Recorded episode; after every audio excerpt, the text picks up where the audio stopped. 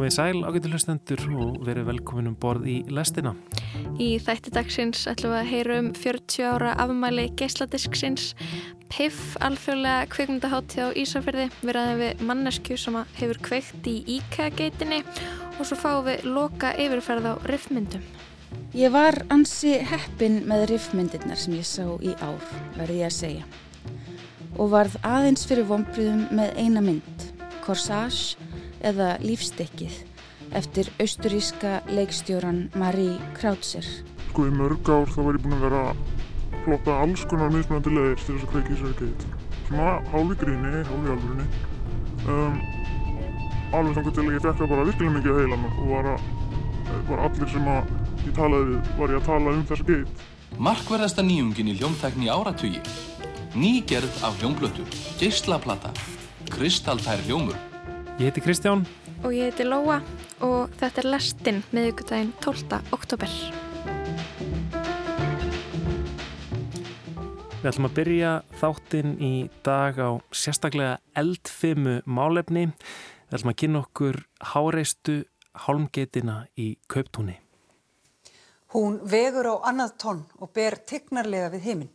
Íkæðageitin er komin úr sinn stað og hennar er gætt allan sólarhingin. Þetta er tólta árið í röð sem þessi háreista hálmgeit gleður landsmenn fyrir jól. Í fyrradag reys Íkæðageitin fræga í kauptúni og er það í þrettanda sinn sem hún rýs hér á landi í aðdraðanda jólana. Þessi strágeit er eftirmynd geitar sem rýs árkvert í bænum Javle í Svíþjóð og kallast hún þar Javlebokken.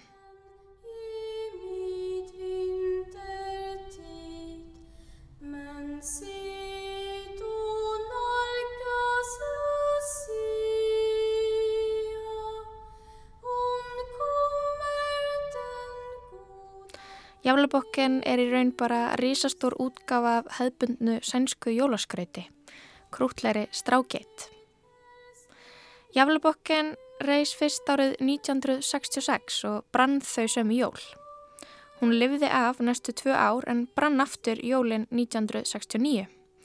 Árið 1970 brann hún, sex tímum eftir hún var sett upp og talaði að druknir úlingar hafi verið að verki. 1979 var hún mölfuð niður. Hún hrundi árið 1972. 1973 var henni stóli af manni sem kom henni fyrir í bakarðinum sínum. 1974 brann hún og 1975 hrundi geitin. 1976 klæsti bíl á hana, það hefur líka komið fyrir geitina hérna á Íslandi, en 1977 brann geitin aftur. 1978 var hún spörkuð neður, 1979 brann geitin, annari var komið fyrir og svo geit brotin.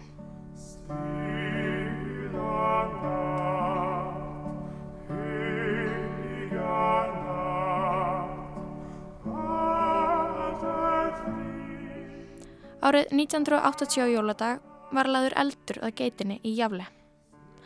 Geitin lifði af árið 1981, 82 brannun, 1983 voru lappir geitarinnar eðlaðar og árið 1984 brann hún á ný. Árið 1985 er tveggja metra hári girðingu komið fyrir í kringum geitina en þá hafði hún aðeins lifað af ein jól síðan 1966. Öryggisvörður frá Securitas vaktaði geitina og herrmenn úr herdeildinni í Javle voru einnig fengnir til að geitinar. En hún brann samt árið 1985 þrátt fyrir þessar ráðstafanir.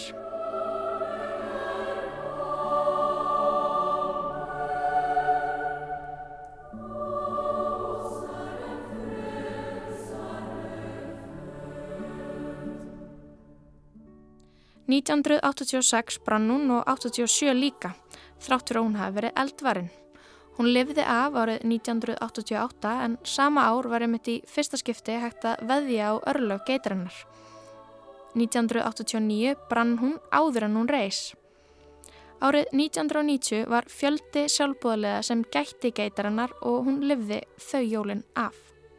Hún brann á ný árið 1991 og 2. Árið 1993 stóð sænska landhelgiskeslan vörðum geitina og hún komst í heimsmyndabók Guinness. Næstu jól lefði geitina af og fylgdi sænska hokkilandsliðinu á HM í hokki. Normaður var handtekinn fyrir að kveikja í geitin á jóladag 1995 en 96 og 97 var allt með kyrrum kjörum í jafle. Vefmyndavel hefði verið komið fyrir. Hún brann í óveðri árið 1998. Aðeins fáinum klukkutímum eftir hún hefði risið árið 1999 brann þessi tegnarlega strákeit enn einu sinni. Næstu 20 árin eru nokkur nögin eins. Hún brennur oftast, lifir örf á jól af. Í eitt skipti var það bandarískur túristi sem hafði lagt eldageitinni, einu sinni maður í jólasunabúning og í fyrra var ferstur maður handtekinn fyrir íkveikju. Ljóst er að um skemmtilega sænska jólahefð er að ræða. Hún er orðin einna bóðberum jólana þessi tilkomi mikla geit sem stendur hér við Vestlun Íka við Kauptún í Garðabæ en hún hefur lendi í ymsu gegnum tíðina. Íkageitin byrtist fyrst hér á landi fyrir jólinn 2010 en hún fekk ekki að njóta hátíðana það árið því á Þorlagsmessu var kvekt í henni. Aftur var kvekt í geitinni nokkrum árum síðar fyrir ein jólinn kviknaði jólaserju sem príti hana, ekið hefur verið á geitina og eitt árið fauk hún í óveðri. Geitin hefur látið á sjá vegna þessara skakkafalla og svo sem var sett upp á fymtudaginn er svo þriðja sem stendur hér á landi.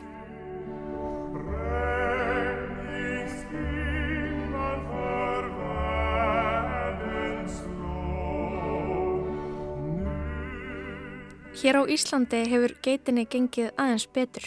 Auk þess sem öryggisverðir IKEA eru með myndavelar á henni allan sólarhengin og sitja fysiskt fyrir framannana í, í, í bíl og passa upp á að, að hún verði ekki fyrir einhverjir árasum. Þannig að geitarinnar er vel gætt. Heldur betur. Já, verðum fyrir einhverjum skakkaföllum, eigið aðra vara geit á lagar? Nei, við eigum ekki aðra vara geit.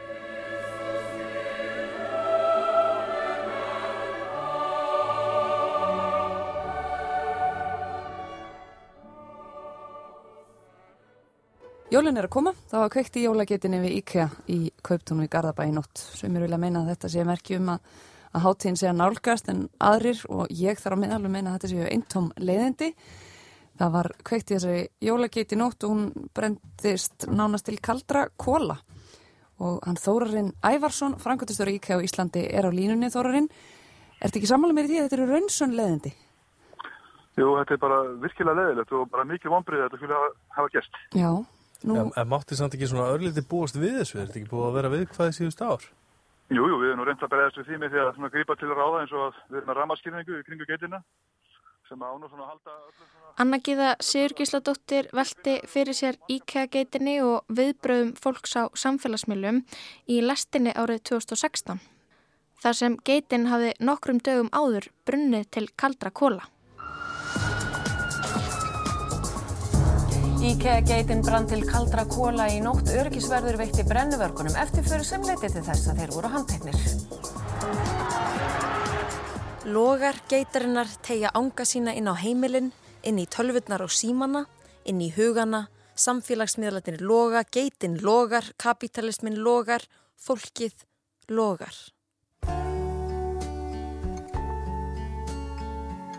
Miðlar landsins hafa personu gert geitina talsvert á síðustu árum. Hún er einfallega ekki bara málmgrind úr hálmi vafinn ljósa serju, hún er geitin okkar allra, hún er geitin okkar góða. Geitin er uppspretta gríns á samfélagsmiðlum í sjónvastáttum og er orðina einhvers konar menningarfyrirbæri. Tveimur mönnum mistóst að kveikja í íkæða geitinni í vikunni en kveiktu nánast í sjálfum sér í leiðinni. Karl og kona gistu fangageislur í vikunni eftir að þeim tókst djöfulegt ætlunarverksitt að brenna IKEA-geitina. Miðlar landsins hafa personu gert geitina talsvert á síðustu árum. Hún er einfallega ekki bara málmgrind úr hálmi vafinn ljósa serju, hún er geitin okkar allra, hún er geitin okkar góða. Er hún brann á síðasta ári var fyrirsögn fréttarinnar á vísi, IKEA-geitin tortrimdi sjálfri sér. Sérstök bein útsending var frá því þegar hún var reist í ár og eflaust hefur það verið gert áður því að þó að geitin standi í ár þó hún brenni ekki þá geti það alltaf gerst og það gerir þessa aðtöp spennuþrungna. Ég hafði upp á manneskju sem hefur kveikt í IKEA geitinni hér á Íslandi. Vegna stöðu sinnar í þjóðfélaginu getur viðmælandi minn ekki komið fram undir nafni og röttinni hefur verið breytt. Við fórum í bíltúr og skoðum geitina. Ok, við ætlum að fara að kíkja á þessa geit. Um, getur þú sagt mér aðeins frá sambandi þínu við IKEA-geitina? Já, ég hef verið með þessa geit á heilanum síðan að ég frétti fyrst af því að hún hafi verið brend einhvern tíman. Ég man ekki hvað ár það var. Uh, fór að lesa mig til um þessa hefð sem er alveg öruglega árið 50 ára guðmjöl út í Svíðjóð. Uh, þar sem þetta gammal geta árið 2005 þá voru tveir einstaklingar í jólasveinabúningu í svona peipukökumannsbúning sem að brendu getina niður með því að skjóta lúandi örfum og boga á hana. Mm -hmm. Þetta eru fyrirmyndir. Mm -hmm. Þeir náðust aldrei. Það er nefnilega ótrúlegt með þessa geit í Svíþjóð að veist, það er ótrúlega mikil öryggiskesla en fólk tekst alltaf að brenna hana. Já, það er alveg sprenglægilegt sko. Mér finnir enda þegar að íkjál lísti yfir einhver tíman um árið að það ætti ekki að reyna að kveiki henni með drónum vegna þess að öryggisverðinir væru með haglabissur. Ég, ég trúi því ekki en maður veit aldrei svo sem. Ég er forvitin að sjá sko hvernig öryggiskeslan er núna. En uh, ok, þú, þú kynist þessari geit og, og hvað gerist síðan? Hvernig þróast sambandið við um, þessa stóru strágeit? Sko í mörg ár þá var ég búin að vera að plotta alls konar mismunandi leðir til þess að kveiki þessari geit. Svona hálfi gríni, hálfi alvörunni. Um, alveg þannig til að ég fekk það bara virkilega mikið að heilan og var, að, var allir sem að ég talaði við var ég að tala um þessa geit og mis snið á leiðir til þess að brenna hana. Uh, svo aðtökast það á einu fullu tungli uh, árið 2016 að við förum sem sagt og gerum það. Það var samt ekkert svona, það gerðist eiginlega bara einhvern veginn. Það var ekkert planið það kvöldið. Um, já. Og hvernig gerðu þið það? Það var með, sem sagt, planið var að gera Molotov kokteil sem að mísæknaðist einhvern veginn. Uh, þannig að það þurfti að bera eldin að geitinni á lúkum. Hún, sagt, fyrir að bara um leiðati. Ég hef bara setið þess bensin í flösku og einhvern svona einhvern svona guður til þess að kveiki ofan í flöskuna sko og hún á að springa sko og maður kastar henni í eitthvað en, en það gerist ekki. IKEA-geitin um, það kveiknar í henni og, og hvað atverður ás fer síðan á stað? Við jötna, keirum í burtu og uh, það á sér stað einhver smá bílæstingalegur við öryggisverðin alveg þannig til að sem sagt lauruglan í rauninni gróðurgraf þar sem við erum handtekinn. Um þetta og í frettinni kemur fram þrýr menn en þarna, hvað fannst þér um það? Ég var alveg pínum móðguð. Mér finnst að vera pínu sexist að gera alltaf ráð fyrir því að glæpamenn séu kallkynns. Og hvernig fór séðan málið? Við vorum dæmt þess að gera segt uh, en sem sagt uh, við þurfum ekki að greiða íkæða skadabætir Mér skilst að það hafi verið vegna þess að það tókst ekki að sína fram á virðið geitarinnar í krónistölu eða eitthvað álíka. Ég las aldrei dóminn. Og þurftur að mæta í dómsal og svona? Já, sko, einu sinni allavega þegar það verið að fara yfir málið en síðan var ég erlendis þegar að dómurinn var kveðin upp þannig ég fekk bara síndal frá lögfræðingum mínum. Og uh, þú veist, serðu eftir þessu eða myndir þú gera þetta aftur ef að tækifæri gefist? Mm, ég sé ekki eftir neinu. Uh, ég hefast að ég myndi leggja þetta aftur. Ég finnst þínu eins og næsta kynsluði að taka við kindlunum, bókstálega. Pínum ámbriði, hún hafi ekki brent síðan.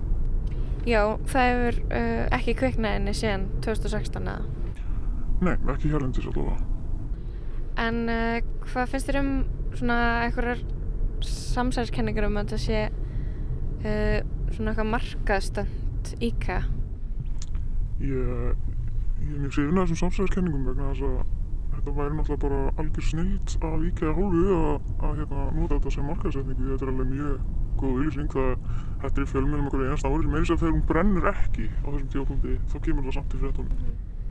En þú veist, að einhvern veginn að kveika í þessari geit, er þetta, þú veist, er þetta pólitísk yfirlýsing? Er þetta svona andkapitalísk gjörð? Er þetta mótmæla stórfyrirtækjum eða, um, já, eitthvað svo leiðis? Nei, það er bara okkur andlega upplifin að fórna geita á fullu tungli. Svo er náttúrulega mjög jólalegt.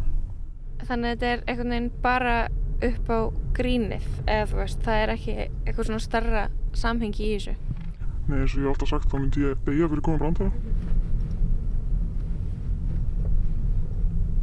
Þannig að þetta er bara eitthvað brandari?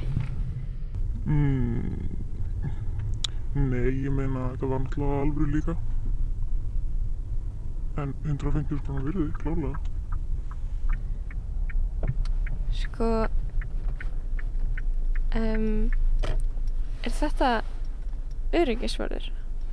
Eða hvað? Öruglega. Allavega í hvítum ámörtum bíl.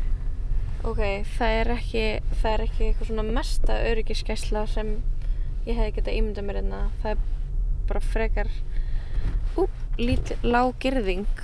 Um, var þetta nokkur neginn svona þegar þú varst hérna senast? Já, mjög svipað. Það voru kannski örlítilegri girðingin, ég veit það ekki alveg. Svona auð, auðvelt að kveika í þessu, þetta er bara strá. Um, en, ú, hefur aldrei veldi í fyrir okkur þeir sleppaði bara, okkur sleppaði ekki bara að setja hana upp eins og til dæmis hann í Svíþjóð ef það er hvort þeir alltaf kveikt í henni Ég held að samfélagið hafi bara gaman að þessari hefð mm -hmm. Þetta er bara skemmtilegt Þetta er skemmtilegt umfjöldunarefni það er gaman að tala um þetta Já, þetta er bara fyndið og skemmtilegt Finnst þér ekkert svona glæpsanlegt við þetta?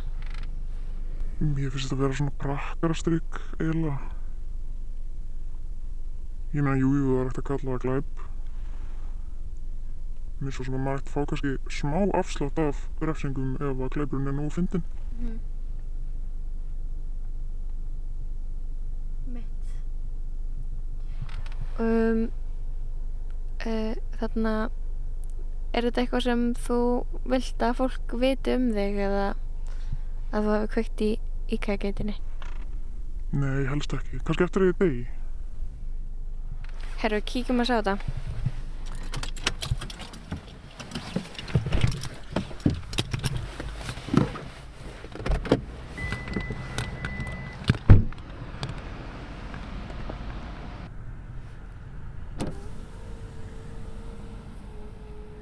Um, Erst þú bara að fylgjast með geitinni eða? Nei, bara í matapásu. Þú erst bara í matapásu? Ok. Er eitthvað búin að koma að skoða geitina eða? Ekki meðan ég var að nota það. Ok, þú ert ekki öryggisvörður? Nei. Ok, gott. ok. Já, þetta er ekki öryggisvörður. Ég held að hún væri stærri. Já, það er einhvern veginn, þetta er grindverk, þetta er svona grindverk sem gerir ekki neitt, sko. Og það er bara einhver, það er þessi þarna öryggismyndavel. Sýnst mér. Ertu brennuverkur eða? Ég hef alltaf haft mjög gaman að ég horfa eld. Svo sem aldrei brent neitt stórt. En það er vissulega gaman að kveika í. En er ekki smá pyrrandi ef eitthvað svona um, grín, uh, skemdaverk, eitthvað svona brenna breytist síðan í eitthvað svona frábæra auðlýsingu fyrir fyrirtæki eins og IKA? Ég meina, ég hef ekkert móti IKA, flest húsgögnum mín eru úr IKA. Um, þannig að IKA má alveg fá þessa auðlýsingu, sko. Fyrir mér allavega. Já, það er bara að býða og sjá um eitt hvort það gerist eitthvað meira. Ef, ef þetta er búið að gerast bara tveisar á Íslandi, er þetta þá nokkuð orðið nóg mikil hefð til þess að dóið ekki bara út eitthvað neinn strax? Ég meina, eitt árið þá kveikti hún í sig sjálf. Þannig að næstu í búið að myndast hefð. Einu sinni fauk hún í stormið, ég mann rétt. Um, ok, við bara fylgjumst spennt með hvað gerist. She's just a girl and she's on fire Hotter than a fantasy Lonely like a highway Já, viðmælandi minn sér ekki eftir neinu, sér ekki eftir 150.000 króna brandara. Bílaeltingaleikur við lauruglu og dómsmál er brandarans virði. en hvort að hægt sé að tala um að hér á landi hafi skapast hefð líkt og í jafle, hefð fyrir því að brenna geitina, það verður að koma í ljós.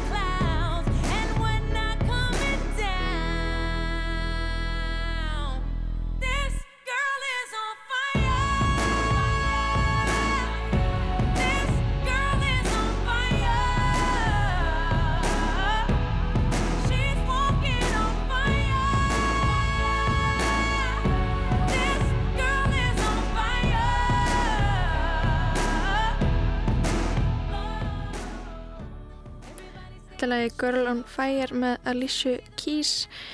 Næst á heilandaskrá í lastinni er hún Guðrún Elsa Bragadóttir, kveikmyndagagrínandi. Hún gerir eina loka samantækt, loka yfirferð á því sem hún sá á riff. Þá er alþjóðlegri kveikmyndaháttíð í Reykjavík lokið. Mörg okkar horfa eflaust um auksl með söknuði á meðan önnur hafa þegar haldið áfram með lífið og skipulagt bíóferðir næstu daga, enda af nógu að taka. Til dæmis verður sorgarþrýhyrningurinn, nýmynd sænska leikstjórans Rúbens Östlund frumsýnd í Bíóparadís í vikunni, en myndin hlaut Gullpálmann aðalvelunin á kann í ár. Sumir eru kannski líka spenntir fyrir því að fara á bandarísku myndirnar Don't Worry Darling eftir Olivia Wilde og hérna stjörnum prítu Amsterdam eftir David O. Russell. Þótt ekki væri til annars en að ganga úr skugga um hvort þær séu í raun jafnslæmar og gaggrinendur segja. Ég er að minnstakosti forvitin um það. Þá má lýsa tveimur myndum á dagskrá kvikmyndahúsana sem hálfgerðum bíó upplifinum. Það er annars vegar Avatar, mynd James Cameron frá 2009 sem er nú aftur sínd í þrývitt til að búa okkur undir framhaldið The Way of Water sem er væntanlegt í desember. Og hins vegar heimildarmynd Bretts Morgan um David Bowie, Moon Age Daydream, sem kufera að mörguleiti óhauðbundin heimildarmynd.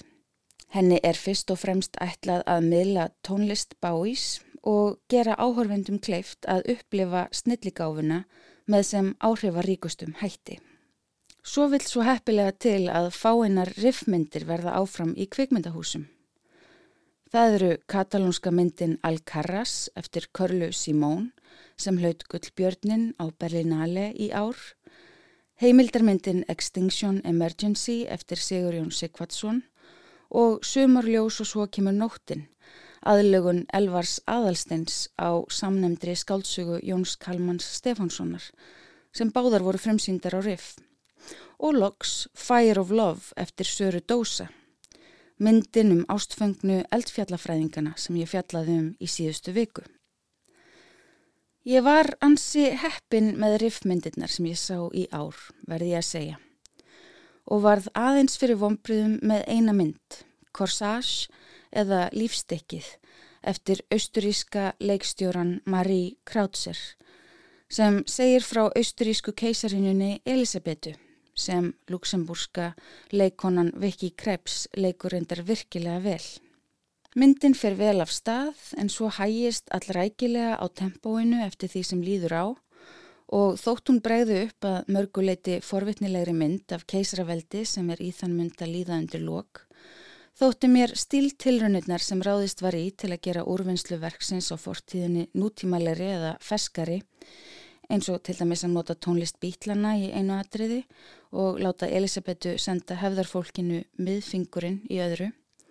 Ekkit sjálflega áhugaverðar í samanbyrði við önnur verk sem ganga lengra, eins og til dæmis sjómastáttaröðin The Great um Katrínu Miklu, keisarinu Rúslands. Við langaði hins vegar að minnast aðeins á tvær frábærar myndir sem síndar voru á riff og ég mæli með því að hlustundur skoði ef þeir fá tækifæri til. Annars vegar heimildarmyndina Dock of the Dead eftir Alexandr og Philippe, einn heiðurskesta hátíðarinnar í ár og spænsku hryllingsspennumyndina Svinga eða Þerdíta eftir Carlotu Pereda. Svo síðar nefnda fjallar um unglingstúlkuna Söru sem er lögð í einelti í smáþorpinu sem hún býr í vegna þingdarsinnar. Eftir að hún flýr illkvittnar stelpur eftir harkalega atlögu í sundlög bæjarins verður hún vitni að því að þeim er rænt af dölarfullum aðkomumanni og þarf að takast á við tilfinningarna sem fylgja því að sjá kvalara sína hljóta örlög sem þær eiga að minnstakosta einhverjuleiti skilið. Í öllu falli líður áhorfanda þannig eftir að hafa orðið vitni að illgirni þeirra í garð fórnalamps síns. Myndin minnir að mörgu leiti á hemdarhryllingsmyndir eins og Carrie, Hard Candy og I Spit on Your Grave en tekst að vinna með flókið viðfangsefni á aðdáunar verðan hátt. Þá er aðaleikonan Laura Galan frábær í hlutverki Söru í mynd sem mætti ég að vel kalla feminist meistraverk.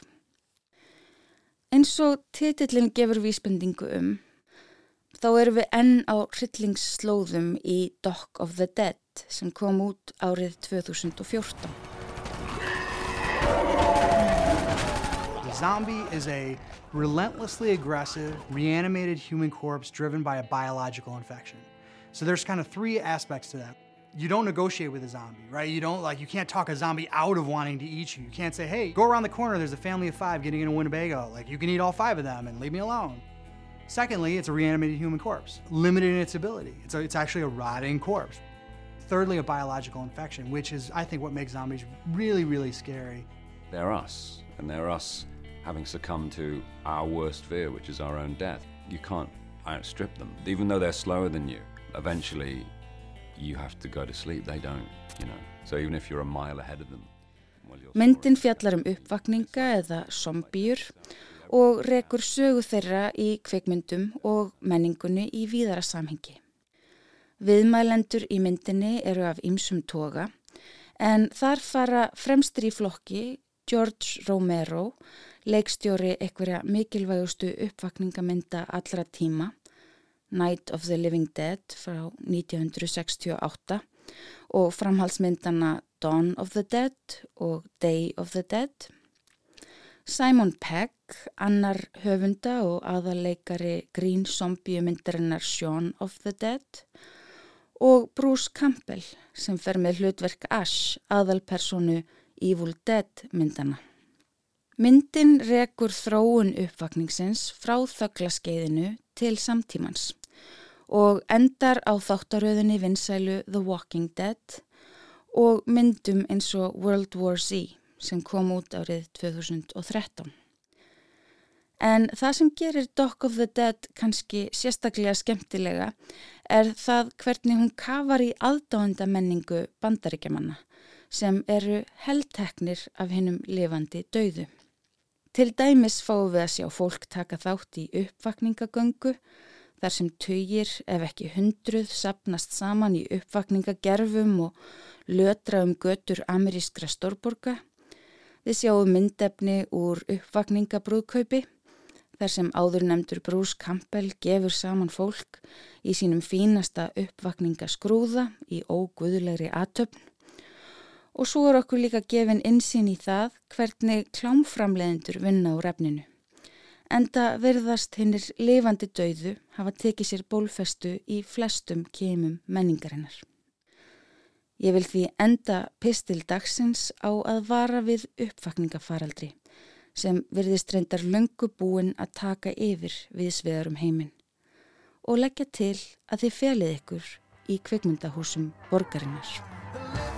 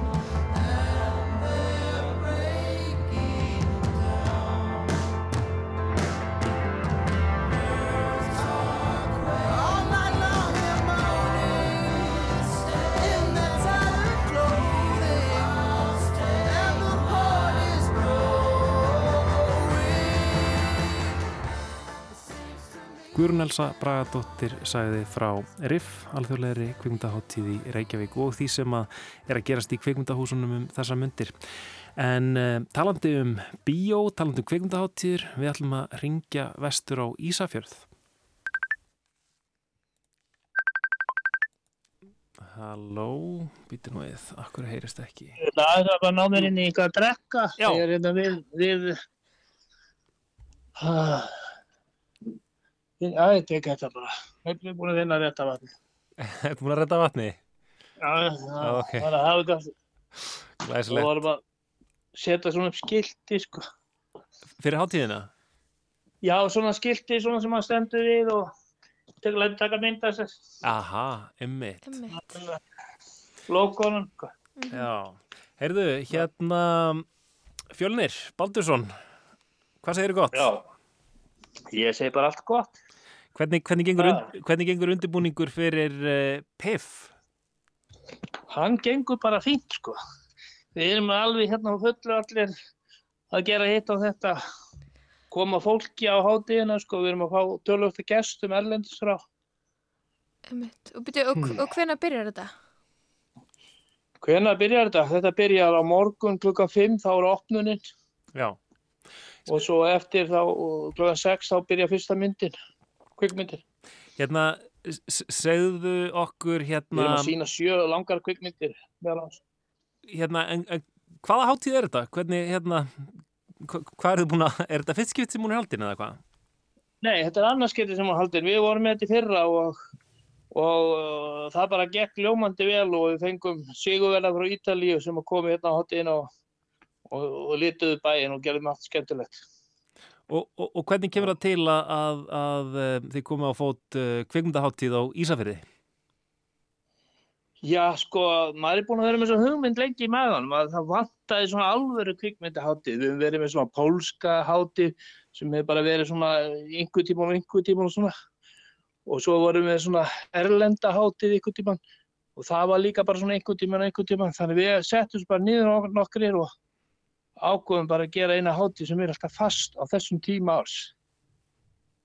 Já. Eftir, eftir riff, þá kemur piff. Einmitt, og er það viljandi eða að hátíðin heitir Eh, Já, Piff? sko, að einu leiti er það viljandi að við komum á eftir þar upp á það að eh, ef menn vilja frumsýna myndirnar og riff þá er möguleiki að koma á piff líka en það er ekki hægt ef við værim undan í árinu.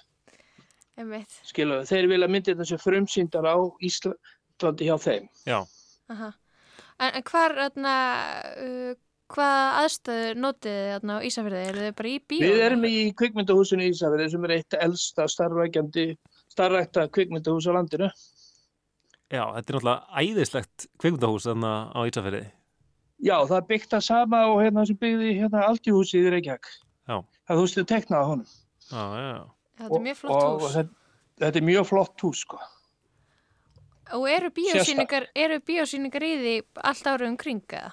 Já, og, og hann heiti Dúi að kalla Dúi sem er rekku bíóið og er búin að vera hérna að gera þetta bara, hvað segir undir kostnaverði í 20 ár bara áhuga. Já. Og þessna heitir kvikmyndið hótið Internet, PIF International Film Festival. Út af að, út af þú veist þarna Pitchun, Já. The Pitchun International Film Festival. Í, í Það er á í Dúa. höfuðið án Dúa, sko. skemmtilegt. En hvað hérna, hva- hvað verður í bóði á hátíðin í ár? Þetta, þetta er mjög fjölbreytt, þetta eru myndir frá bara öllum heiminum, sínist mér. Já, við erum með myndi frá 24 löndum held ég núna. Mjög, mjög margar frá Íran og Pólandi. Já, er, er það tilviljun eða, eða Nei, það er uh, stefnan hjá okkur svona. Sko, við erum með 10% pólverja hérna á- í bænum og hérna í byggðunum í kring. Mhm. Þannig að við erum að reyna að fá þá til að koma að sjá landa sína í bíó og kannski hitta kvikmyndagerðamennin og tala við þá. Og svo líka sko við að versa að kynna okkur fyrir menningu pólverja. Já. En, en írönsku myndirnar? Það, sko, ég ég fekk bara svo góða myndi fyrra frá Íran og hún vann sem besta handriti, stuttmynd sem heitir The Castle eftir Saba Geoni að ég ákvaða bara að hafa frýtt fyrir þá og til að fá þá og ég fekk uh, hvað, 400 umsóknir frá Íran. 400? Já. Þannig að það er Ég var hérna... alveg vittlis að horfa á þetta allt Einmitt, en, en viðeigandi kannski að, einmitt, að við séum að skoða myndir frá Íran. Á- á þessum tíma? Já, þegar- nákvæmlega. Já, þetta ánefnilega mjög vel við, sko, og eins og núna, það var ég nú bara að tala við eina sem er að koma frá Íran og hún var komið með vísa, við höfum verið í stappi heila mánu og vísa verið hana og svo þegar við, þegar hún er að ná í vísa í embassy, sko, þá segja þeir bara, nei, ja, þú færð ekki, þú færð ekki vegabrið, þið gáði henni vísa, let- tók, heldur eftir vegabriðinu. Jáhá. Danska sendir á þau heldur eftir vegabröfum allavega 300-400 vegabröfum á fólki núna sem er að fara á landi til þess að þeir vilji ekki að það fari inn á Sengensvæði. Þetta er eitthvað fyrirskipur á Danmörku og ykkur stað, ykkur stað frá. En, en, en þannig að þessi kvikmynda gera kona kemst þá ekki á hátíðina sína Jú, hún kemst, ég, ég ringdi, ég, heila sólaring, þá ringdi út um allt og svo bara ringdur í hann og sagði hann að koma að ná í vegabröf. Já. Og hún er komið vegabröf og að fara í flugvel núna. Og er ekkert vesen að koma allum á Ísafjörðu? Er ekkert, eh, er ekkert tætt um að fólk verið viðtæft eða fluginu verið aflýst eða... Við erum ekki að taka neina, með- við, við erum með rútu sem fyrir, fólki fer í, sko. Ok. Og ef það verður einu degi lengra eða eitthvað, þá bara finnum við út úr því. Já, þeir eru ekki að taka neina Ég sjensa meina- með flugið. Nei, við rettu, þetta rettast bara, það er ekki, Mhm. við segjum það bara. En hérna, hátíðin hefst semst að morgun stendur yfir alla helgina, Hva, hvar finnur fólk Alla helgina. hvar finnur fólk og- upplýsingar? Hvað segir þau? Hvar finnur fólk frekar upplýsingar um, um hátíðina? Það finnur það bara piff.is. Það er mjög góð heimasíða sem er gerða Baldri Páli á Ísafri hérna og alveg æðislega falleg síða og myndirnar hann eru teknar á nínu uh, sem er, sem er listamæður hérna í Ísafri. Og, og kostar inn? Það er allt frýtt. Vá. Þú kaupir bara popp og kók og sest niður. Það er skemmtilegt. Já. Það er æri tilöfni að kíkja á eru, Ísafjörð. þetta eru fyrirtæki bæjarins sem eru að bjóða upp á þetta. Já. Heyrðu, uh, fjölnir, uh, við ætlum að sleppa þér svo getur haldið áfram að, að, að búa til skilti fyrir uh, Pigeon Já, já. International Film Festival PIF á Ísafirði. Takk hjá fyrir spjallið. Já. Og góða skemmtur um Takk helgina. sem les. Ok, bye bye.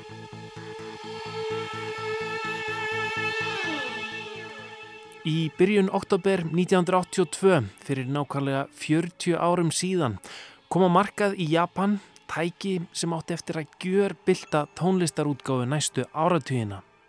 Þetta var fyrsti geislaspilarinn, Sony CTP 101, spilari sem notaðist við nýja tegund hljómplötu, geisladiskin. I hear the doorbell ring and suddenly the panic takes me. The sound so ominously tearing through. Diskurinn var samstarfsverkefni hollenska fyrirtækisins Philips og japanska tæknirissans Sony. Bæði þessi fyrirtæki voru enn að sleikja sárin eftir að hafa tapað myndbandastríðunum svokölluðu en Betamax tæknin frá Sony og Video 2000 tæknin frá Philips varð undir Waf-HS myndbandsbólunum. Til að koma í veg fyrir að þau töpuðu öðru slíku stríði ákvaðu þessir erki óvinnir að taka höndum saman og vinna að staðli fyrir diska sem að inniheldu tónlist á stafrænu formi. En hinn stafræna tækni var þá að riðja sér rúms á hinnum ímsu sviðum mannlýfsins. Eitthvað er á reiki hvaða tónlist var á fyrsta disknum sem var framleitur með þessum hætti. Einhverjir segja 50 Second Street með Billy Joel og aðrir segja Visitors með ABBA.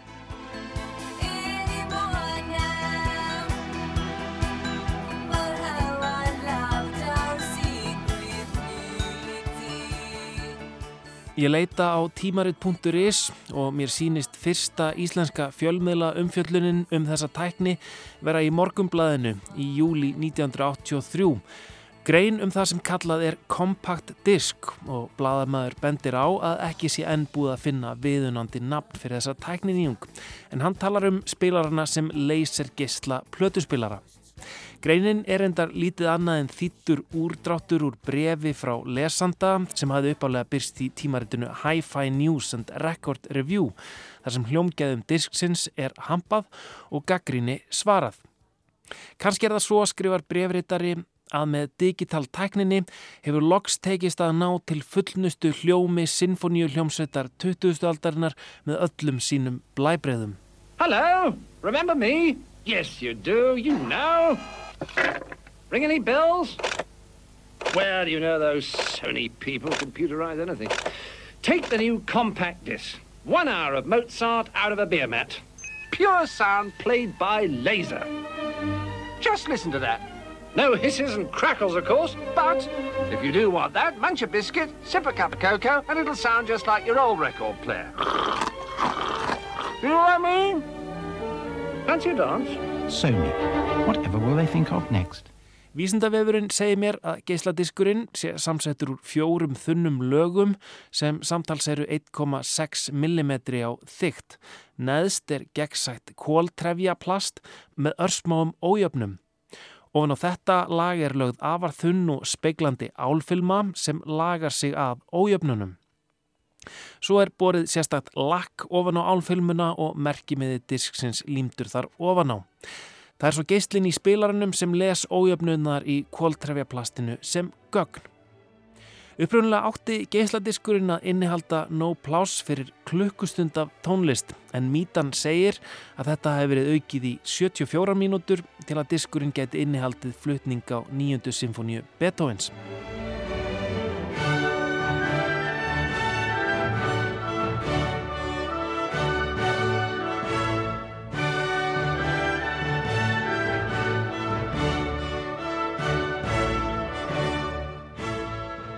Umræðan um gæði en líka mögulega vankanta þessara nýju tækni fór strax af stað.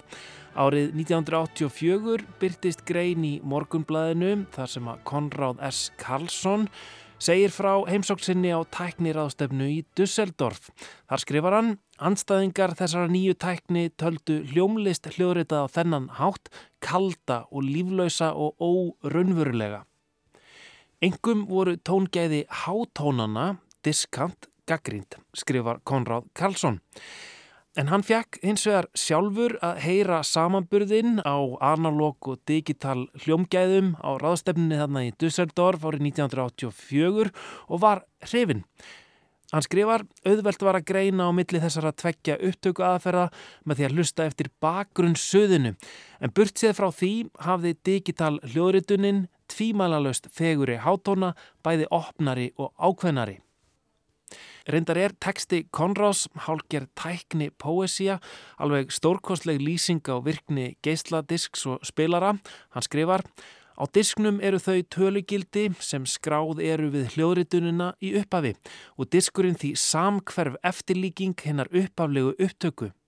Þar sem á silfurdiskin er aðeins greift tölugildi óendanleg merð tölustafana 1 og 0 þar til umskráningar sérstakra spilara sem með hjálp leysi, ljós og örtölva breyta tölugildunum í rafsveiblur og ný sem eftir mögnun í venjulegu hljómflutningskerfi til heimabrúks hræra keilur og himnur hátalarna á sama hátt og hljómlist leikin af segulböndum eða henni góðu og gömlu svörtu breyðskifu.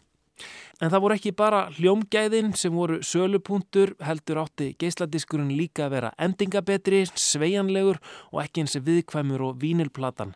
Geisladiskurinn átti eiginlega bara að endast út í hið óendanlega. Margir óháðir vísindamenn hafa haft ótrú á tóndisknum eilífa. Þeir hafa sagt að hann hafi einfallega ekki verið til nógu lengi til þess að undsé að fullirða um endingu. Auk þess hafa þeir haldið því fram að þeir endist síður í heitu lofslægi. En að líkindum þurfum við Íslendingar ekki að hafa áhyggjur af því. Ég veit ekki nákvæmlega hvenar Íslendingar fór að kaupa sér geislaspilara en í ítalegri umfjöllun NT frá árinu 1985 er sagt að æg meira hafi borið á þessum spilurum í hljómtækjaverslunum undanfarinn tvö ár. Þarna er diskurinn þó ennþá kallar laserdiskur eða laserplata, leysi skífa, digital smáskífa, silfur skífa eða það sem er auðvitað lang besta hugmyndin að nafni fyrir kompaktdiskin, snúður.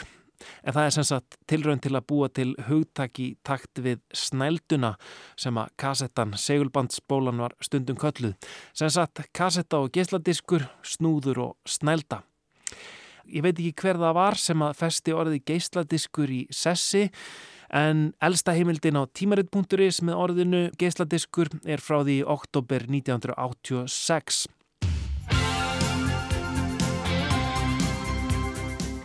En nú er komin ein nýjungin á markaðin enn og engin maður með mönnum nefn að negi geislaspilara og geti leiki lög af geisladiskum. Xenon geislaspilarar frá Nesco lögum við í tíu. Markverðasta nýjungin í hljómtækni áratugi. Ný gerð af hljómblötu, geislaplata. Fyrsti íslenski geisladiskurinn kom svo út árið 1987 og var sagt svo frá í auðlýsingablaðinu okkar á milli. Fyrsti geisladiskurinn sem sérstaklega er gefin út fyrir innlendan markað hefur litið dagsins ljós. Það kemur eftir vill ekki á óvart að það skuli vera bubbi með frelsið sem rýður á vaðið. En það er hér á ferðinni plata sem skipað hefur sér sess meðal mest seldu hljómplatna í sögu íslenskrar hljómplötu útgáfu. Geisladiska útgáfan inni heldur fjögur viðbóta lög. Og í tilefni á útgáfinni var sleið á þráðun til Bubba og spurt hvað honum fyndist um þessa nýju tækni. Hann svaraði, já, ég er nú svo bláegur að ég er ekkert yfir mig hrifin af henni, sagðan.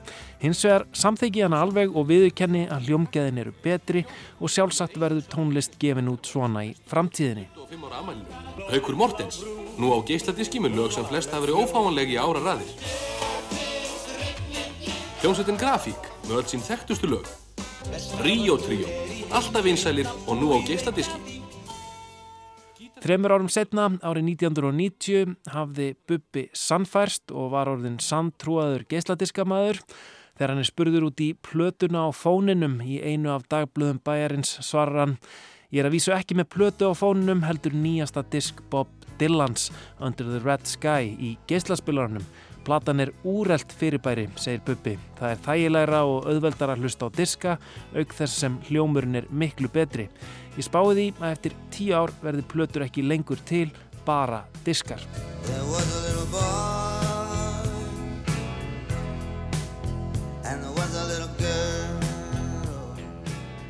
Og Bubbi hafði næstu því rétt fyrir sér. Tíu árum setna, um aldamótin, var geisladiskasala í hæstu hæðum. Hún hafði algjörlega tekið yfir markaðin. Hátt í miljardur geisladiska var seldur á hverju ári í bandaríkjónum og hér á landi árið 1999 nam salan 868.000 eintökum. Á sama tíma leit út fyrir að vínilplatan væri að syngja sitt síðasta. En einmitt á þeim tíma fór að halla undan fæti. Einhverjur hafði átt að segja á því að stafrænar skrár á borðið tónlistina á geisladiskum væri hægt að deila sín á milli yfir netið og spila á sérstökum MP3 spilurum. Já, geisladiskarsala fór að hríðfalla með tilkomu MP3 spilara á niðurhals, fyrst ólöglegs og svo löglegs og svo streymisveitana. Undarfærin 20 ár hefur geisladiska sala haldið áfram að minga. Vínirplatan var aftur orðin vinsalli en geisladiskurinn árið 2019 í fyrsta skipti frá árinu 1986. Geislaspilarar eru orðinir æfátíðari og nú er svo farið að frumkvöðullin Sony sem að framleiti fyrsta geislaspilaran fyrir nákvæmlega 40 árum síðan í oktober 1982. Já, frumkvöðlinn Sony er hættur að framleiða geislaspilara. Ég var hrifnæmur hálfviti þá, skrifar Bubbi á Twitter um þessa nýjunga gyrni sína varandi geisladiskana og margir eru sammála, margir hafa losað sig við geisladiska möppurnar, geisladiska hrúurnar. Það er hægt að fá þetta á slikk í kólaportinu og góða hyrðinum. En mínir geisladiskar eru niður í geimslu, þeir eru í kassa. Ég ætla að býða eftir því að þessi 40 ára uppfinning kemst aftur í tísku.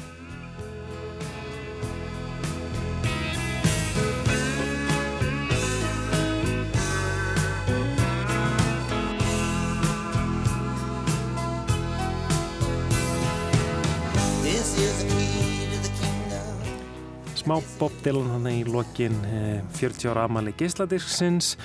Lóa, hvað var fyrsti geisladiskur sem þú kæftið þér? Herru, það var Linkin Park, ég man ótrúlega vel eftir ég átt- átti ammælispenning og fór í hagkaup í spönginu og kefti þarna in the end, þarna gráa gísladiskin og var að fíla mig sem mjög mikinn rockara.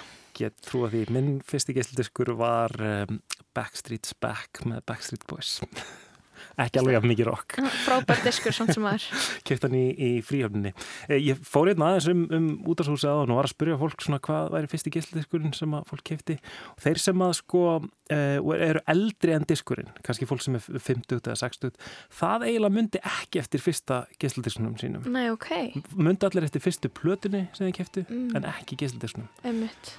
Alveg eins og við munum kannski ekki hvað var fyrsta lægið sem við höluðum niður. Nákvæmlega, eða eitthvað þannig. Mhm.